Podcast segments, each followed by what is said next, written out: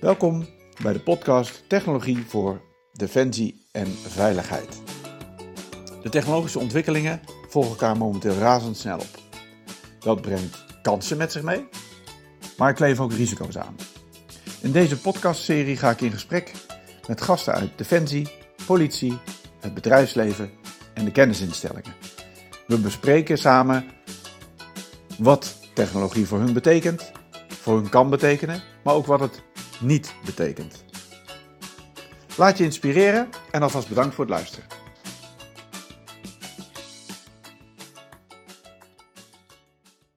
Welkom bij eh, de nieuwe aflevering van de podcast Technologie voor Defensie en Veiligheid.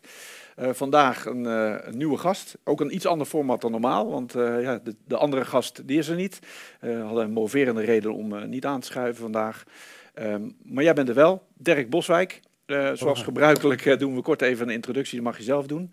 Maar ik, ik was toch al enigszins verbaasd vanochtend, want ik keek op, op Instagram en wat zag ik daar? Een, een stijger en ik keek uit over het ijs. En ineens kwam daar het hoofd boven van Dirk Boswijk, die zich even aan het dippen was. Vertel eens. Ja, heerlijk. Nou, weet je, ik, ik ga zo meteen weer naar Den Haag. En dan zit ik tot vanavond laat um, um, in een suf zaaltje. En het, zo zien mijn heel veel van mijn dagen eruit. En dan is altijd de ochtend het moment dat ik nog wel een beetje wil voelen dat ik nog leef. Um, en dat doe ik wisselijk af. De ene dag ga ik sporten en de andere dag uh, duiken in het water. Ja, en vanmorgen lag er zo waar een laagje ijs. En dat is toch, dat, ja, daar kijkt iedereen die in de winter gaat zwemmen toch een beetje naar uit. Ja, nou ja, hartstikke goed. Het, uh, het maakt dat je fit bent, denk ik. En dat is, is uh, ja. in jouw vakgebied geen overbodige luxe. Dus welkom dat je hier bent. Hartstikke goed en fijn dat je aangeschoven bent. Um, ja, laten we even een korte introductie doen van jezelf. Uh, hè, voor de mensen die jou niet kennen, wat ik me bijna niet kan voorstellen, maar ze zullen er vast nog wel te vinden zijn. Even kort jouw dorpsheel. Ja, uh, nou ja, Dirk Boswijk, uh, Kamerlid voor het CDA sinds nou, bijna twee jaar inmiddels. daarvoor ben ik 15 jaar ondernemer geweest. ik had een bouwkundig ingenieursbureau en reserveofficier bij de landmacht. Um, ja, dat is even heel kort gezegd wie ik ben. En ik ben in de Kamer nu woordvoerder Uiteraard defensie, dat is ook echt mijn passie. Vind ik ook veruit het leukste. Maar ook, uh, ik heb ook landbouw, uh, natuur en visserij, waaronder ook stikstof. Uh, dus dat is al een heel gevoelig thema op dit moment. Ja, nou, daar blijven we dan lekker van weg. bovendien is dit defensie ja. en veiligheid. Dus laten we die link dan nog maar even laten voor wat die is. Hè? Maar de defensie, dat is, dat is evident. Waarom is dat defensie stukje bij jou zo aanwezig? Nou, weet je, mijn jongensdroom was, uh, was uh, vroeger militair worden. Um, en ja, die is niet helemaal uitgekomen. Uh, dat had er eigenlijk mee te maken toen ik van de middelbare school afkwam, ehm, in 2006 uit mijn hoofd. Toen was er ja, toch een soort sollicitatiestop. Ik zou toen een schakeljaar gaan doen en bij dat schakeljaar zat een, ja, zat een soort baangarantie. Ja, als je dat had gedaan, dan stroomde je daarna in bij de krijgsmacht. Alleen op het moment dat ik daar zat, kreeg ik een brief van ja joh, uh, helaas pindakaas, tenzij je uh, uh, ja, vrouw bent of een migratieachtergrond, dan geldt het nog wel. Maar uh, ja, in jouw geval niet. Dus er is een kans dat je dit schakeljaar doet ja. en dat je vervolgens niet bij Defensie terechtkomt. Ja, ik was daar zo gefrustreerd en boos over, en, en eerlijk gezegd nog steeds wel een beetje, dat, ik, dat ik eigenlijk met mijn ogen dicht naar een andere opleiding ben gaan kiezen. Dat is uiteindelijk MBO bouwkunde geworden. Daarna in de avonturen nog bouwtechnische bedrijfskunde en een master planologie. Um, en ja, tegelijkertijd voor mezelf begonnen, omdat mijn MBO-opleiding, ja, dat was, ja, was, dat, dat bood niet alle, alles, dat ging eigenlijk iets te makkelijk inderdaad. Um, ja, en toen ben ik eigenlijk een hele andere route gegaan als dat oorspronkelijk mijn jongensdroom was. Nou had ik nog een, heb ik nog een zwager die bij Luchtmobiel zit, dus ik kreeg elke keer als hij weer op oefening of uitzending was geweest, weer allerlei verhalen en foto's en filmpjes te zien. En dat ik elke keer de bevestiging kreeg van, joh, ik heb mijn roeping gemist. Oh, ja. Um, maar ja, gaandeweg je natuurlijk wel Weet je, ik ben getrouwd, ik heb een huis gekocht, ik heb een gezin. En dan wordt het telkens moeilijker om, om dan uiteindelijk van ja, toch een redelijk vrij bestaan uh, naar Defensie te gaan. En ja, dat was voor mij de beste manier om dat uiteindelijk als reserveofficier te gaan doen. Dat is natuurlijk fantastisch, dat je dat, ja. dat toch nog hebt weten combineren. En dan waar je nu zit ook nog eens ja. hè, defensie in je portefeuille hebt. Uh, ja, nee, dat is, dat, dat is echt super mooi. Alleen wat ik wel het waardeloze uh, vind, is dat ik dus de, de functie. Ik ben op papier nog wel reserveofficier, alleen met bijzonder verlof. Ja. Omdat ik mag de twee functies niet combineren. En ja, dat vind ik wel heel erg frustrerend. Want het liefst zou ik natuurlijk. Kijk, ik snap dat ik niet alles kan doen. Maar gewoon eens, twee keer in het jaar op de schietbaan. En, en ook in, in de zomer een keertje mee op bivak. Dat zou ik nog wel heel fijn vinden. Maar zelfs dat uh, mag niet. Nou, ik denk dat er van Defensie wel wat mensen aan het luisteren zijn. En volgens mij, uh, die vaste Kamercommissie wordt ook nog wel eens uitgenodigd op wat bezoekjes links en rechts. Dus wie weet, uh, Dirk, komt, Dat, komt dat nog in orde? En je bent jong genoeg, hè, dus in de toekomst, uh, wie weet wat daar nog in het verschiet ligt nee, binnen Defensie. Maar vooralsnog zit je hier vanuit jouw rol die je hebt. En ik ben ook heel blij dat je zo enthousiast reageerde toen ik jou benaderde van, joh, wil je in deze podcast uh, aanschuiven. En uh, ja, wat dan wel gebruikelijk is in het format, is dat we dat doen aan de hand van een aantal uh, stellingen, dan wel vragen die we hebben. En ja. daar hebben we het even over gehad. En laten we maar gewoon aftrappen met die eerste stelling. Yes. Um, en dat is in vredestijd gaat opschalen en implementeren van nieuwe technologie, zoals bijvoorbeeld een raseenheid of counter-drone, dat gaat traag. Dat, dat is wat de stelling is. Hoe, hoe zie jij dat? Nou ja, dat, dat is ook zo. Um, dat heeft alles mee te maken dat je in, in tijden van vrede toch minder urgentie voelt. Um, dus dat, is op, op zich ook niet gek. Dat is eigenlijk best wel logisch. Maar ook dat je ziet, tenminste al kijk je gewoon naar onze geschiedenis, hè, vanaf uh, uh, rampjaar 1672. Uh, daarvoor dachten wij jarenlang, er komt geen oorlog meer. Dus wat gaan we doen? We bezuinigen op onze krijgsmacht. Vervolgens in 1672 komen we erachter dat dat toch wel een, een slechte beslissing was. Uh, maar daar hebben we niks van geleerd. Want ook voor de Eerste Wereldoorlog werd er gewoon nog bezuinigd op defensie. Tot het moment dat we moesten mobiliseren. Um, en het gekke is, na de uh, Eerste Wereldoorlog zakt het allemaal weer meteen in. En, en dan zie je toch dat ja, het eerste slachtoffer is bij bezuiniging is toch over het algemeen toch innovatie en, en nieuwe gebieden uh, ontdekken. Um, en dat zagen we natuurlijk met de uitbreking van de Tweede Wereldoorlog ook. Als je kijkt hoe ons, onze krijgsmacht toen was uitgerust. Um, ja, dat is eigenlijk best... wat er op ze afkwam. Precies, dat ja. is natuurlijk echt om te janken. Ik heb het destijds wel gezegd dat wij één tank hadden en de Duitsers kwamen met 700 tanks. Even de verhouding. Ja, dat is nog wel best wel een groot verschil. Ja. Um, en, het, en het frustrerende is eigenlijk dat we dat natuurlijk de afgelopen periode, de afgelopen 30 jaar, in ieder geval sinds ik geboren ben, uh, dat we dat ook hebben gezien. Um, dus het is, het is, het is ongelooflijk, maar we leren er gewoon heel weinig van. En nu zien we wel met, met de invasie van, van uh, Rusland en Oekraïne, dat ja, heel veel nieuwe concepten weer worden ontwikkeld. En nou ja, noem nou even drones. Uh, wel heel opvallend, ook met hele oude technologie, of nou ja, hoever je technologie kan noemen, maar loopgraven hadden we toch allemaal een beetje van gedacht dat dat achterhaald was. En dat je nu eigenlijk ziet dat die twee concepten, dus loopgraven uit de Eerste Wereldoorlog in combinatie met drones, dat dat nu ineens dingen zijn die, eh, die heel veel samenkomen. Ja. Um, en dat er nu wel echt fors wordt geïnvesteerd. En nou, ook wij, ook in, in Nederland, hè, we hebben de, de, onderhandeling heb ik destijds gedaan, nou destijds, dat is nog maar een jaar geleden. Um, toen met heel veel pijn en moeite hebben we er 3 miljard bij kunnen krijgen. Terwijl we wisten dat we eigenlijk 4 miljard nodig hadden. Nou, toen twee maanden later um, uiteindelijk uh, Rusland Oekraïne binnenviel, ja, toen was het een stuk makkelijker om nog eens een keer 2 miljard daar bovenop te krijgen. Ja. Maar um, ik zie wel weer, weet je, Oekraïne en Rusland is niet elke avond meer in het nieuws. Ook niet meer elke avond bij de talkshows. En je merkt gewoon nu al, hè, dat je, we zijn nog geen jaar verder, um, dat het ook alweer wordt gekeken naar Defensie. Van ja, oh, ze kunnen toch het geld niet allemaal wegzetten. Misschien kunnen we weer wat een beetje gaan uh, kaarschaven eroverheen. Dus dat blijft altijd wel een heel groot spanningsgebied. Nou, kijk, het is, het is zonder meer eh, vreselijk wat er natuurlijk gebeurt in uh, Oekraïne en alles wat daar uh, speelt. Maar als je dan um, eigenlijk je, je, de les die Nederland, in dit geval Nederland, zou, zou geleerd moeten hebben vanaf 1672, om jouw woorden te gebruiken, met alle interbellums die er zijn geweest, ja. naar nu eh, zijn we blijkbaar hardnekkig aan het volhouden om dan toch na die ja. oorlogsperiode vooral fors te bezuinigen. Ja. Hè, terwijl we uitspreken dit nooit weer. Ja. Maar we bezuinigen er wel even op. Dus dat, dat is op zich wel opmerkelijk. Hè, um, maar wat zegt het als een krijgsmacht, hè, want als je die stelling zo bekijkt, eh, als een krijgsmacht in vredestijd kennelijk uh, niet goed georganiseerd, goed genoeg georganiseerd is om snel uh, innovatie te implementeren en op te schalen. Wat, wat, wat, kun je dan, wat kun je dan stellen over hoe dat in vredestijd gaat? Ja. Want kennelijk in missiegebieden, ik ben er zelf ook wel eens geweest, dan zie je dat alles kan. Ja. Dat is ook ja. wat je hoort binnen de muren van Defensie. Hè, van ja, raar, binnen, als we op missie zijn kan alles.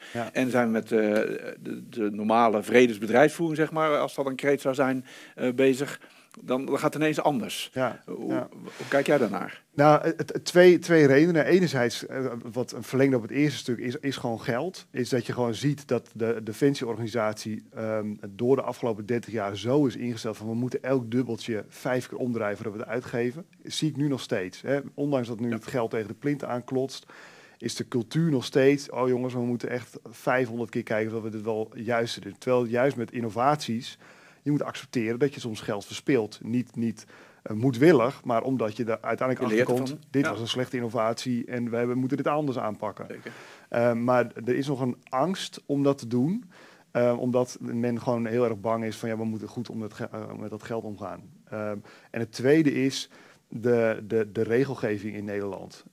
en ik heb daar ook een, een, tijdje geleden een debat ook aangegeven. we hebben nu heel erg de discussie over meer geld, dat is belangrijk. Maar we moeten ook hebben over minder regels.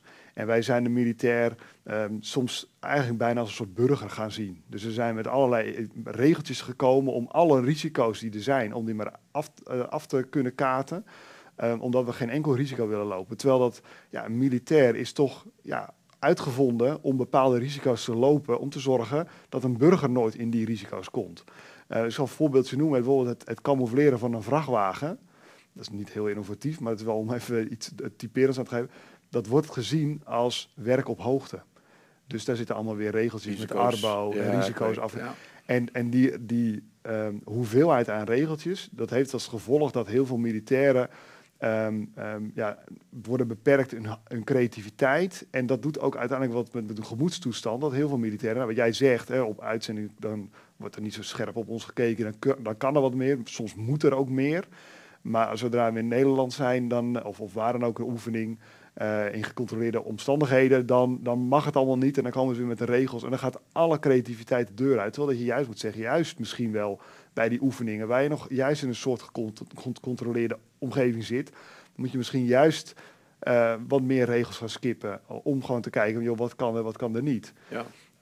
Um, en dat, en dat, dat risicovermijdende gedrag, ja, daar ligt dan ook wel weer de schuld bij de politiek. Um, dat komt ook omdat als er iets fout gaat, dat wij in Den Haag ook als kippen bij zijn om te zeggen schande, schande. Uh, met alle uh, media eromheen.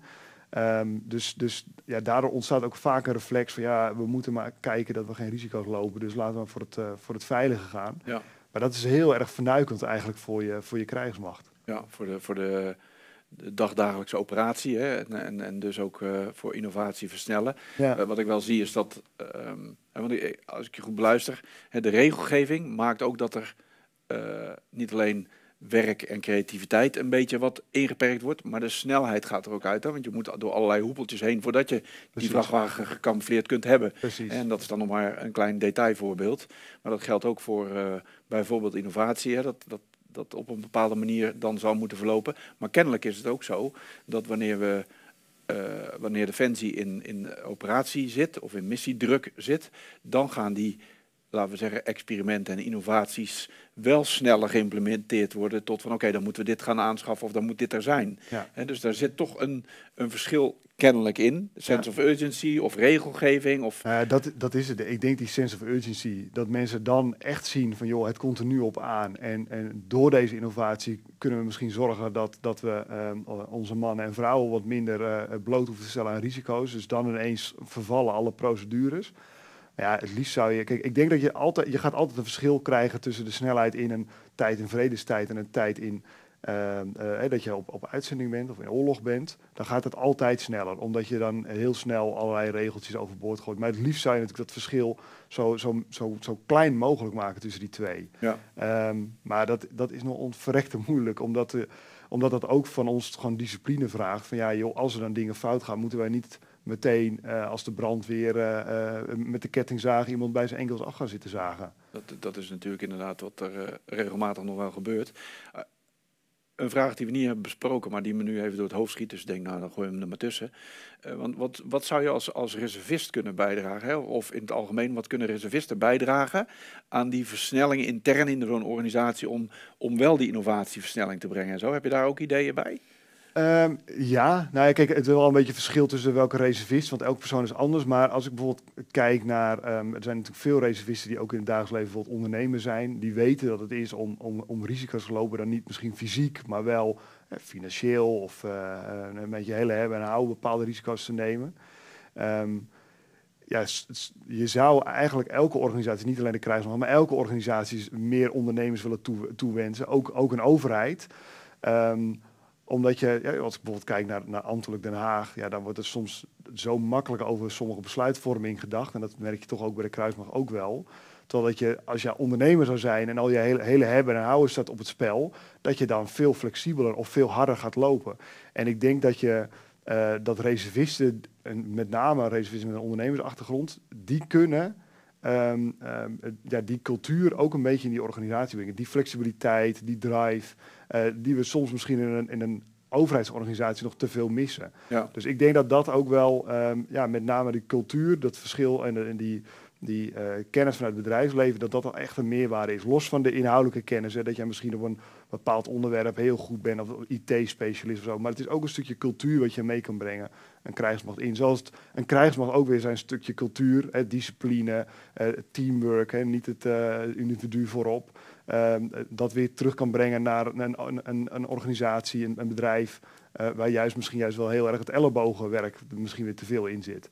Dus het is ook al een wisselwerking tussen allebei. Uh. Ja, dat is wel een mooie uh, die ik mee zal nemen. Ook Wendy Kwaks, die komt hier als het goed is in oh. januari. Oh, Ken je ook? Ja, zeker. dus die is natuurlijk heel erg bezig met dat domein. Ja. Je ziet, nou ja, het voorbeeld wat je geeft van reservisten met een ondernemersachtergrond is natuurlijk per se het uh, netwerk Economy of IDEA. Ja. die uh, met uh, Gijs-Jan Schussler, die daar vooral de scepter zwaaien. Ja. Die zie je ook die dingen brengen bij Defensie. Volgens mij wordt dat ook gewaardeerd en gebezigd.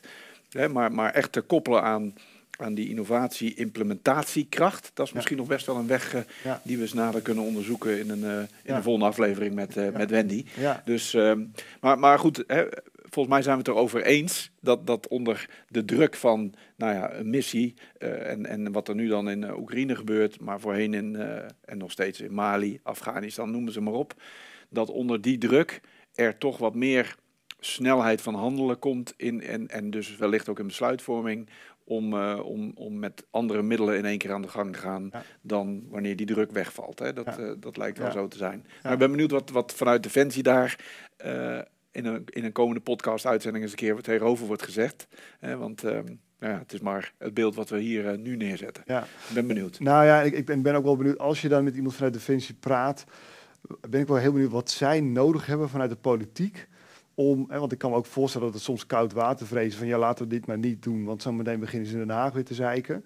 Um, ik kan me ook wel voorstellen dat zij misschien wel, wel opmerkingen richting ons hebben. Um, dan moeten ze dat ook wel uitspreken. Want ik merk wel vaak dat Defensie nog best wel een organisatie is. Denk nou, um, uh, nou, echt heel erg binnen de lijntjes kleuren en, en, en alles vanuit uit Den Haag ja en amen. En ergens snap ik dat ook. Want ik bedoel, de, de, Defensie is natuurlijk het, het, het ultieme instrument van de politiek. Uh, en ook altijd heel erg gehoorzaam aan de politiek. Maar het zou wel mooi zijn als, als, als Defensie soms ook wel wat meer uh, ja, terugduwt. Of wat, wat activistischer is in, in een opstelling. Ik heb vorig jaar was daar wel een, een trendbreuk in. Toen de, de vier opkoos kwamen er een interview in de, ik geloof de Volkskrant was het. Dat ze zeiden, ja jongens, en nou is het klaar. We, er moet gewoon geld bij. En dat was wel een ja, een soort trendbreuk. Maar ik zou zo graag wensen dat dit veel vaker gebeurt. En ook niet zozeer op geld, maar op veel meer thema's. Onder andere, joh, als wij willen innoveren, wat hebben wij dan aan nodig? Ja. Uh, dat ook Defensie dat veel, uh, veel meer uh, laat, laat horen. Nou, ik vind het een hele mooie oproep, Dirk. Dus ik, uh, ik zal niet schromen om die uh, links en rechts te herhalen voor je binnen de muren van uh, Defensie, daar waar ik dat kan. En uh, ik denk zeker ook dat de huidige CDS, Onno Eigelsheim, dit graag te harte neemt ja. en daarover na zal denken wat hij daarmee kan. Ja. Dus nou, hartstikke goed. Laten we ook um, doorgaan naar de volgende stelling. Um, als je het goed vindt. Ja, natuurlijk. En die luidt: Nederland moet als klein land de keuze maken in welke technologie de Nederlandse krijgsmacht koploper wil zijn. Dat is natuurlijk een klein beetje misschien geënt ook aan de discussie rondom een Europese defensie, krijgsmachtachtige zaken. Binnen NATO heb je natuurlijk ook de uitwisselingen tussen welk land gaat op welke capaciteit nou eigenlijk zitten. Ja. Dus uh, ik denk dat die stelling wel uh, daar on ongeveer vandaan komt. Uh, ja. Hoe zie jij het? Ehm, nee, ik denk dat het goed is dat wij uh, dat we binnen onze samenwerking binnen de NAVO, dat we inderdaad heel erg gaan kijken, joh, welk land gaat wat doen. Um, ik denk namelijk dat het zonde van het geld en van de energie is, dat we met z'n uh, alle EU, NAVO-landen allemaal hetzelfde gaan zitten doen. dus het lijkt mij heel verstandig dat, dat, je, dat je je daarin specialiseert en dat je dat misschien samen met een aantal landen bijvoorbeeld gaat doen, toch wel een beetje de krachten bundelt. Um, ik vind ook wel dat de, uh, als je bijvoorbeeld kijkt naar wat wij nu aan de NAVO nu van ons vraagt en als ik kijk wat wij nu leveren, zijn, zit er echt nog wel gaten in. Uh, dus we hebben echt nog wel ons been bij te trekken. Dat is dan nog niet echt de innovatiekant. Dat is nog echt meer de, nou ja, de medium, de heavy brigades. Hè, de echte mannen en de vrouwen met de, met de poot in de klei, om het zo maar te zeggen. Um, maar ik, ik... Kan Nederland die leveren? Kennelijk niet. Nou ja, ik, ik, weet je, ik vind het ook wel een beetje een dooddoener. Wat ik, wat ik nu vaak hoor is, ja, we hebben niet genoeg geld. Of we hebben vacatures. Um, ik denk, nou ja, als je te weinig geld hebt, dan moet je dat tegen de politiek zeggen. En zeggen, jongens, wij kunnen gewoon op dit moment niet leveren. Ik vind toch dat er een, beetje in de Kamer het, het beeld is geschetst. Joh, met dit uh, en met dit pak geld, nou, dan zijn we aardig onderweg. En dan uh, is de NAVO meer dan, uh, of, of, voor een groot deel tevreden. Ja, dat blijkt toch wel anders te zijn, want op een aantal essentiële dingen leveren we niet. Kijk, op de, de, dus op de geldkant, dat is geen excuus wat mij betreft. Maar op de uh, personeelskant is wel buitengewoon ingewikkeld. Uh, en dan moet je toch kijken, joh, betere arbeidsvoorwaarden. Nou, daar zijn nu wat stappen op gezet. Uh, flexibele arbeidscontracten. Hoe kan je reservisten vragen om, om het gat te vullen? maar dat allemaal bij elkaar ben ik daar nog best somber over, heel eerlijk gezegd. Omdat gewoon de hele arbeidsmarkt, ja, overal wordt je gevraagd. Ja. je kan jezelf al vier, vijf keer verhuren als je zou willen. Uh, dus ik zie dat op korte termijn nog wel. Um, uh, zitten. Ja, echt nog wel. Maar dan nog vind ik het principieel nog wel. De NAVO vraagt dingen van ons. Dan moeten wij niet gaan zeggen van joh, wij zijn goed bezig. Dan moet je ook gewoon zeggen, er zijn ook echt nog wel punten waar we nog niet goed ja. in leveren. En dan moeten we toch alles op alles blijven inzetten om daar, uh, daar op, te, op te blijven leveren. En dat zal uh, misschien nog wel even duren voordat we daar zijn. Um, en bij innovatie vind ik wel dat we ja, moeten voorkomen dat we ineens allemaal weer capaciteiten gaan optuigen. die bijvoorbeeld de Belgen en de Duitsers en de Fransen ook aan het doen zijn. Dus je moet er echt wel in gaan specialiseren. Waar moeten we ons in gaan specialiseren? Dat, dat vind ik zelf nog wel een hele ingewikkelde. Um, wat ik, ik ben pas geleden in, um, in, in Groot-Brittannië geweest, waar de Nederlanders uh, samen met de Engelsen de, de Oekraïners aan het opleiden zijn. Dus dat was ook helemaal een, nou slagveld nagebouwd met, echt met, met loopgraven. Nou, best indrukwekkend om dat te zien. Maar daar werd dus echt ook geoefend met, met die combinatie met die drones. En het mooie is, wij waren er al een soort, hè, wij Nederlanders waren er al een beetje aan gewend. En dat was allemaal voor ons uh, nou bijna standaard. En ik sprak daar die, de, Britse uh, luitenant-kolonel die daar de leiding had. En die was helemaal onder de indruk. Die dacht echt van wow, dit hebben wij zelf nog helemaal niet, uh, daar hebben wij überhaupt nog niet over nagedacht. En uh, dus ja, misschien moet dit een capaciteit zijn. En, en, er zijn nog veel andere capaciteiten waar we misschien iets mee, mee zouden kunnen. Maar uh, ik denk wel, als we dan iets kiezen, dat, je dan, dat wij dat dan moeten doen. En dat andere landen misschien weer andere dingen moeten doen. Uh, want ja, weet je, we hebben, we, er gaat veel geld heen. Maar er wordt ook heel veel geld verspild omdat we heel veel dingen dubbel doen. En eh, kijk bijvoorbeeld naar even een traditionele. Um, als kijk je naar het aantal wapensystemen wat wij als Europese NAVO-landen hebben. Uh, dat is 178 verschillende wapensystemen hebben we. Kijk dan naar de Verenigde Staten. De, eh, bij elkaar opgeteld een veel grotere krijgsmacht dan alle andere EU-NAVO-landen.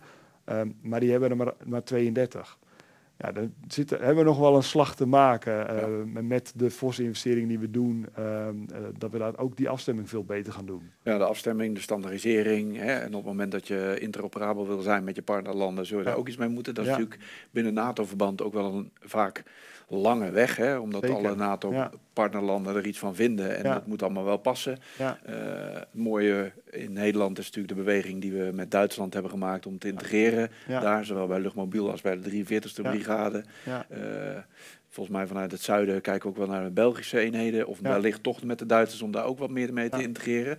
Dus die beweging zie je. Um, naar de stelling kijkend, uh, focus je als Nederland nou op een specifieke technologie als ik dat zou kunnen combineren met de visie 2035 die is neergelegd, hè, waarbij uh, toch duidelijk een, een dikke rode draad is gelegd uh, op het informatiegestuurd optreden. Ja. Ehm, ik weet dat binnen de krijgsmacht er ook al wel wat geluiden zijn. Ja, dat is ook maar een, eh, een, eh, lege huls. Hè. Je hebt bij uh, Gijs Tuinman ook eens een podcast gezeten met Boots on the Ground. Ja. Ik zag dat hij ook met wat mensen heeft gesproken ook over dit thema. Ja. Ehm, maar goed, kijken naar de defensievisie. Die is er niet voor niks. Hè. Dat is toch de, de hoofdschootsrichting waar we heen willen bewegen als krijgsmacht zijnde. Uh, en dat in de context van, oké, kies dan technologie uh, binnen, binnen het grotere verband als Nederland. Ja. hoe zie je daar de samenhang dan? Nou ja, kijk, bijvoorbeeld naar de, de informatiegestuurd optreden. En dan daar aan hangt natuurlijk uh, het cyber. En als ik dan kijk naar, naar Nederland in geheel, en dus niet alleen de krijgsmacht, dan zijn wij daar wel een van de beste ter wereld op. Dus ik zie daar wel echt een niche dat ik denk van, joh, hier kunnen wij wat mee. Um, maar dan kom ik meteen weer op het punt wat ik net maakte. Um, want cyber is natuurlijk wel een, een ingewikkeld terrein. Als ga ik bijvoorbeeld al ga je als, als, als militair oefenen, hebben we in Nederland verschillende oefenterreinen, of je gaat naar de, naar de VS toe uh, en dan kan je gewoon in een fysieke omgeving oefenen. Ja. Um, voor cyber wordt het al heel ingewikkeld. Dus wat je nu krijgt, is dat we nu, dat er nu cyberspecialisten oefenen in een, uh, ja, een, nagebouwde digitale omgeving met, met social media accounts enzovoort. Um, terwijl dat je misschien ook wel moet gaan kijken, ja, misschien moeten wij onze cyberspecialisten ook wel misschien wel een keer in de echte wereld laten oefenen. Hè? Want, want de, kijk, de Chinezen en de Russen doen niet anders. Um, en je wil toch uh, uh, onze, ons, onze tegenkracht, wat wij er tegenover op de mat leggen, moet minstens zo goed zijn. En Wat is daarvoor nodig beter. dan om dat te kunnen doen? Nou ja, en dan kom je natuurlijk meteen op de hele ethische en de AVG-grens en, en ook de, de politiek van joh, uh, dat, dat, vinden we allemaal ingewikkeld en laten we zomaar onze, onze krijgsmacht los in, in, de, in, in, de, in de wereld, om het zo maar te zeggen. En dat, dat hebben we natuurlijk al gezien vorig jaar. Of, ja, is het vorig jaar? Ja, vorig jaar was dat. Hè. We zaten toen in die coronapandemie en we keken als, als samenleving collectief als konijn in, in de koplamp van een, van een auto. We dachten allemaal, joh, wat komt er op ons af? En toen werd vanuit de samenleving, vanuit de politiek, de hulpvraag naar Defensie gedaan van, joh, help ons. Uh, en uh, nou, Defensie heeft het op verschillende manieren gedaan. Hè, met noodhospitalen, met, met, met COVID-patiënten vervoeren, maar ook op het digitale domein. Uh, we hebben toen is het, het LIMSI opgezet met het idee, joh, wij gaan proactief kijken via openbare data, wat speelt er in de samenleving en op basis van wat wij zien aan, aan onrust, uh, of, of misschien wel waar mensen samenkomen, dat we al een soort voorspellingen kunnen doen van joh, hier, komt, uh, uh, hier moeten we wel inzet op gaan plegen. en dat is eigenlijk een beetje het informatiegestuurd optreden waar we allemaal naartoe willen. Um, en ik denk dat, dat, dat, dat Defensie dat heel erg goed heeft gedaan. Alleen, er zijn wel in hun enthousiasme en helemaal niet met volbedachte raden zijn daar dingen fout gegaan. Hè. Er zijn gegevens verzameld van mensen, hadden ze niet moeten doen, was tegen de AVG, uh, maar allemaal met de beste intenties. Nou, daar is vervolgens uh, Defensie samen met de politiek, de, de toenmalige minister, achtergekomen. En die hebben toen zelf gezegd, joh, dit, is, dit gaat fout, dit moeten we niet doen. Die hebben op de handrem getrokken. onafhankelijk onderzoek laten doen. Um, daar kwam ook de conclusie uit, oké, fout, hadden, uh, dit moet je niet doen, Defensie, past dat aan. Um, maar ook meteen de bevestiging, er zijn geen kwade intenties. En dit was mijn eerste debat in Den Haag waar we het over gingen hebben. Dus ik heb dat, wij hebben een technische briefing gehad. Uh, wij hebben uh, dit rapport kunnen zien, wij zijn nog eens een keer bijgepraat. Ja, en ik ging nog heel naïef het debat in met het idee, joh, uh, er zijn wat dingetjes fout maar gegaan. Het is toch hartstikke belangrijk geweest dat precies, dit gebeurt. Precies, ja. het is een, een, nieuw domein. Dan ga je met vallen en opstaan, moet je daar kijken hoe dat werkt. En moet je misschien wel de wetten en regels aanpassen naar de realiteit waar we nu in zitten. Dus ik ging dat debat nog in van, nou oké, okay, Defensie goed gedaan, we hebben weer wat geleerd. Maar ja, het debat was toch wel heel snel van, joh, schande, schande. En uh, zelfs het frame de krijgsmacht wordt ingezet om onze eigen bevolking te bespioneren. En dat werd ook in de, in, toch wel in de media opgepakt. Um, en ik kan me herinneren dat ik nog dat ik de enige was die aan de andere kant van de wagen ging hangen. Van ja, maar jongens, weet je, de wereld verandert. En we moeten ook kijken hoe we ons daarna gaan verhouden. En dan ja, zijn initiatieven als deze heel belangrijk. En dan moeten we accepteren dat er soms fouten worden gemaakt. Nou, ik kan je vertellen dat dit mij niet in dank afgenomen. Ja. Uh, maar dat geeft wel meteen de spanning aan. En dat zorgt er bij Defensie ook terecht. Dat, ik snap dat heel goed. Als jij gewoon als individuele militair doet wat er van je wordt gevraagd. En je gaat in je enthousiasme aan de gang. En, en je maakt fouten, wat niet goed is. Maar je doet het niet, niet op, met opzet. En vervolgens wordt dat zo afgeschilderd. Ja, wat doet dat met je motivatie? Dan denk je toch ook, ja, zoek het uit. Dat, dat is een beetje inherent aan waar we daar straks over hadden. Hè? Dat de, de, de politiek, zeg maar, uh, en, en het, uh, het, het bezuinigen uh, een bepaald verlammend effect zou kunnen hebben op een organisatie. Waardoor, ja, ja laten we dat maar dit niet doen. Want ja, ja wie weet dat. Hè? Of straks zijn we ergens mee bezig, notabene op verzoek van de politiek. Maar stel nou dat dat verkeerd uitpakt, wat dan? Ja. Um, hè, maar de, dus die begrijp ik. Um, richting die visie 2035, waar informatiegestuurd optreden toch een dikke rode draad doorheen ligt. Hè, ook allerlei programma's uh, voor opgetuigd zijn om dat te kunnen gaan uh, mogelijk maken. Uh, en dat te koppelen aan de niche-capaciteit, zeg je van ja, cyber is daar wel een belangrijke rol in. Of, of, zou daar bijvoorbeeld een belangrijke capaciteit in kunnen zijn, ja. waarvan de Nederlandse overheid en defensie zou kunnen zeggen, ja, dan moeten we daar eigenlijk bijvoorbeeld in gaan investeren, want dat is een niche-capaciteit. Ja. Uh, en, en zo'n niche is dit ook weer niet, hè, want je kunt, je kunt ook zeggen van, nou ja, dan heb je misschien ook wel uh, de ruimtevaart erbij nodig, want je hebt ook eigen satellieten nodig, zodat je soeverein kunt zijn op dat vlak, ja. want daar verga je informatie mee, om een ja. zijstraat te noemen. Ja. Um, maar als je dan kijkt naar dat cyberstuk, dan loop je, zoals je eigen voorbeeld ook aangeeft, wel tegen de stuitnokken aan van de wetgeving. Ja, klopt. Uh, hoe, hoe zie je dat ontwikkelen? Stel dat Nederland inderdaad zou zeggen, nou, cyber is een van die domeinen, we zijn er al poepgoed in, dan moeten we gaan claimen als, uh, als niche-capaciteit. Ja. En dan komt er een maar. Ja. Ik, met elke innovatie loop je altijd tegen regels aan. Hè. Dat, is, uh, dat is denk ik inherent aan, aan innovatie. En die zou je dan altijd aan moeten passen. En dat vind ik eerlijk gezegd op dit terrein niet heel anders. Um, Alleen het grote verschil is met bijvoorbeeld toen wij um, um, in de Tweede Wereldoorlog iemand ging vliegen met een vliegtuig om een verkenning uit te doen. En op een bepaald moment een Duitser tegenkwam. En dacht, hé, hey, wacht eens, ik schiet er met een revolver uit de lucht. En het lukte. En daardoor hadden we ineens, was het vliegtuig niet een verkenningsvliegtuig, maar een, um, uh, maar een, maar een gevechtsvliegtuig. Kijk, het voordeel van die tijd is dat we toen nog helemaal geen wet en regelgeving hadden op, op luchtvaart of over geluid of op milieu, laat staan over stikstof. Um, en dat is inderdaad. Inmiddels... Je, bent je bewust van dat je zegt het voordeel van die tijd. Ja, nee, is een. Nee, ik ben ja. een, ik, weet je, het was. Regels zijn goed. Het was, het was in, uh, het was denk ik in, in die tijd, in een, in, een, in een wereld die minder complex was, denk ik veel makkelijker om bepaalde innovaties te doen dan we nu doen, omdat we soms onszelf zo hebben beperkt. Dicht regelen. We hebben, ja, Nederland ja. is een, gewoon een aangeharkt tuintje. Um, en, en elke stap die je, die je gaat zetten, uh, dat kost iemand ergens zijn vrijheid. Al, al, al voelt hij dat daadwerkelijk niet, maar mensen ja, claimen toch heel erg van ja, maar dit is mijn recht. Hè, en, en, vaak komt het plicht en niet echt achteraan. Um, en dat maakt het dus heel ingewikkeld om, om, om regels aan te passen of op te schuiven. En dan kom je wel met cyber. Ja, joh, die AVG en die privacywetgeving die wij hebben, allemaal met de beste intenties. En natuurlijk wil ik geen China en natuurlijk hebben we allemaal rechten en moeten we ook altijd kritisch zijn op wat een overheid doet. En moeten we niet op alles ja en amen zeggen. Maar vraag je mij, is die balans misschien een beetje doorgeschoten naar te veel het individu ten koste van uh, de veiligheid van ons allemaal? Zeg ik ja. Ja, nou, ik vind een mooi brug. Hè? De, en, en, misschien kunnen we hem daar ook wel mee afronden. Uh, omdat ik eigenlijk nu een vraag voel opkomen die weer voor een andere gast ook relevant kan zijn. Ja. Hè, maar inderdaad, wat je zegt.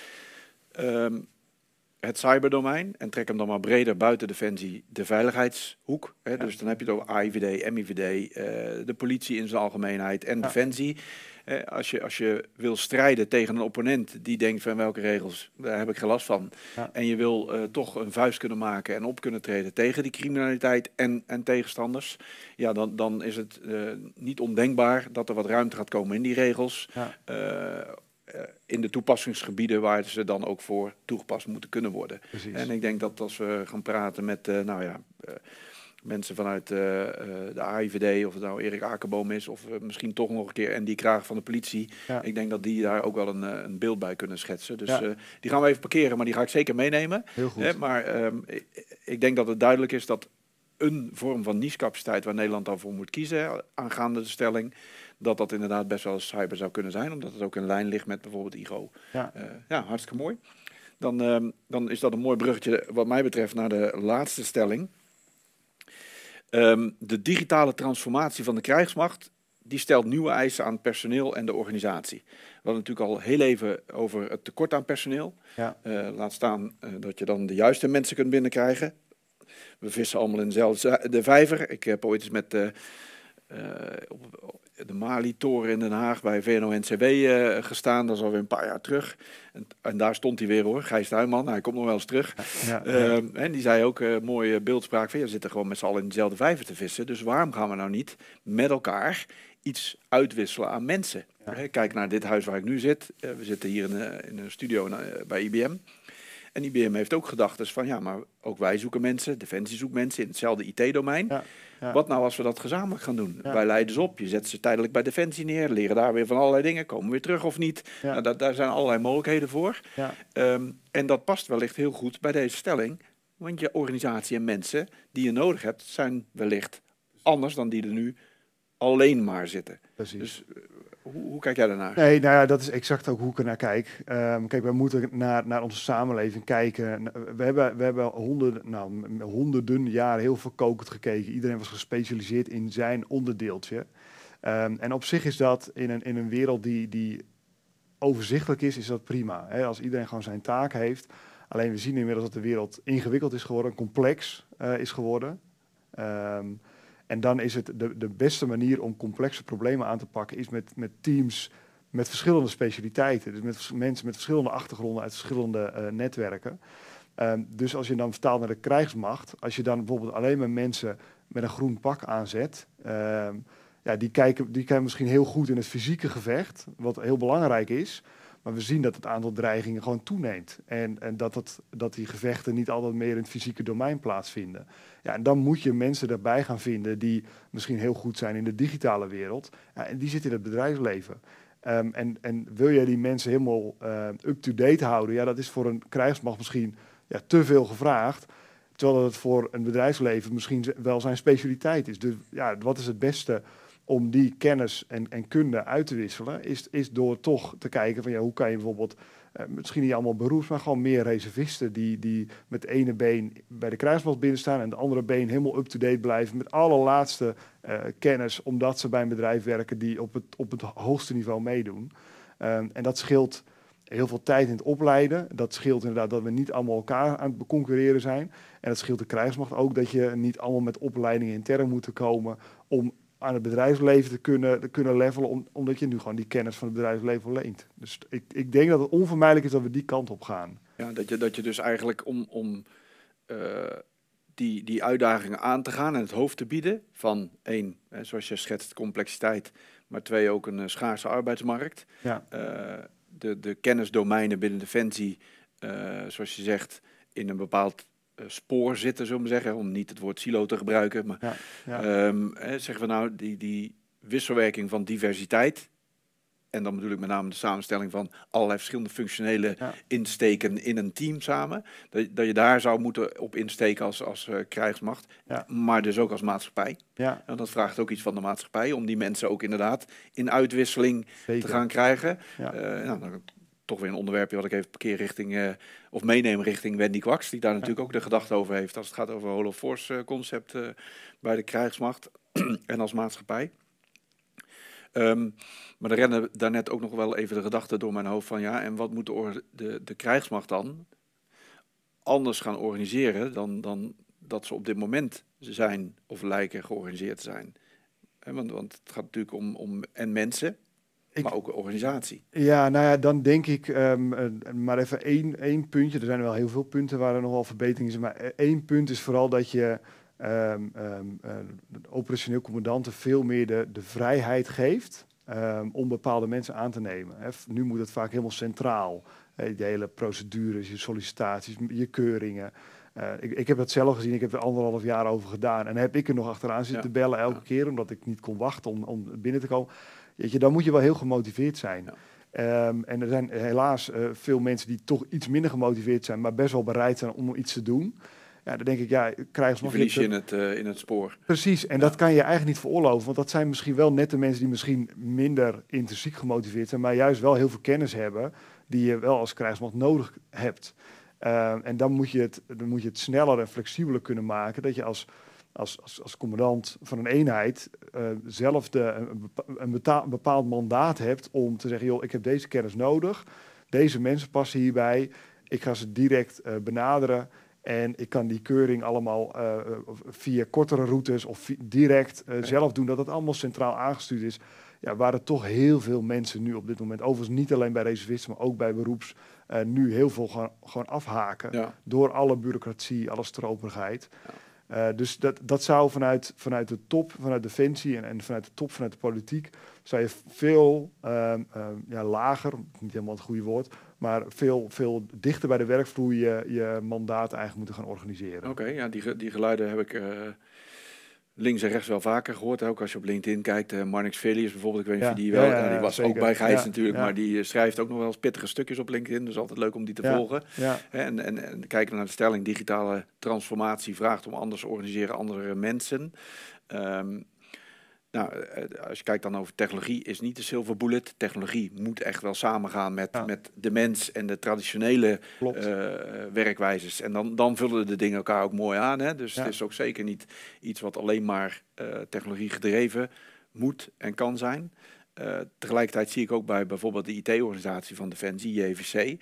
Ja. daar, zitten, daar zitten toch zeer deskundige IT'ers. Ja. ook die zijn aan het als organisatie is JFC natuurlijk met de nieuwe directeur ook aan het kijken, ja, hoe kunnen wij mensen naar, naar ons toe gaan trekken uit die schaarse arbeidsmarkt. Ja. Ehm, nou ja, ik denk dat dat daarvoor ook geldt. laten we vooral zoeken naar de wisselwerking. Zoals je militair ook zoekt naar integratie met de Duitse eenheden, et cetera. Zou je op dit domein nationaal kunnen kijken. Wat kunnen we uitwisselen met industrie, zowel als kennis als natuurlijk ook in de uitvoering van allerlei projecten. Maar ook met, uh, mensen en middelen. Dus dat is uh, denk ik uh, nog best een aardige insteek om ook nog eens verder over te praten in een volgende podcastaflevering. En ik denk dat we allebei kunnen constateren, Dirk, dat, dat binnen Defensie deze gedachten ook niet nieuw zijn. Men is daarmee bezig. Men is aan het kijken van ja, hè, hoe kunnen we dat gaan mobiliseren, organiseren. En dan kom je toch weer op die, die vraag van sense of urgency. Hoe snel krijgen we het voor elkaar in een organisatie die toch bol staat van de regeltjes? En, uh... Ja, en daarom nog een keer uh, hier de, de, de, boodschap. Weet je, vanuit de politiek, in ieder geval vanuit mijn partij, en ik, ik denk ook wel een meerderheid uit de uh, vaste Kamercommissie. Um, um, er is geen taboe om bepaalde regels misschien. Eh, als, kom zelf naar voren als defensie, jongens, deze regels beperken ons. Um, want ik moet zeggen, ik heb het gevoel dat Defensie toch nog vaak te gehoorzaam is. Denken, joh, die regels, dat is, daar hebben we mee te dealen, dus daar gaan we aan, ons aan houden. ik denk, ja joh, als, je, als, als het je beknelt um, in het veilig houden van Nederland, laat het ons dan ook gewoon actief weten. En, en, en schroom dat niet om dat, uh, om dat ook te agenderen zodat wij hun ook weer kunnen helpen daarin. Nou, ik vind het een uh, prachtige oproep zo aan het eind van deze podcast. Ik zou bijna zeggen, doe even je mailadres, je telefoonnummer erbij. Maar laat wachten wegen als mensen iets van je willen weten, is je toch wel te vinden. Zeker uit die defensiehoek. Ja. En uh, voor de, de overige toehoorders denk ik dat het aardig is om jouw uh, Instagram te volgen. Want dan kun je toch zien hoe jij jouw fitheid met de ijsbaden op peil houdt. zelfs als je op, op missie bent zelf op je werk bezoeken. Ja. Dirk, onwijs bedankt dat je er was. Echt leuk om je zo te spreken over deze onderwerpen. Uh, wellicht komt dat in een uh, toekomstige aflevering nog eens een keer voorbij dat ik je uitnodig om uh, aan, aan te schuiven. Maar voor nu ontzettend veel bedankt en een goede thuisreis. Superman, dankjewel hè. Ja, super.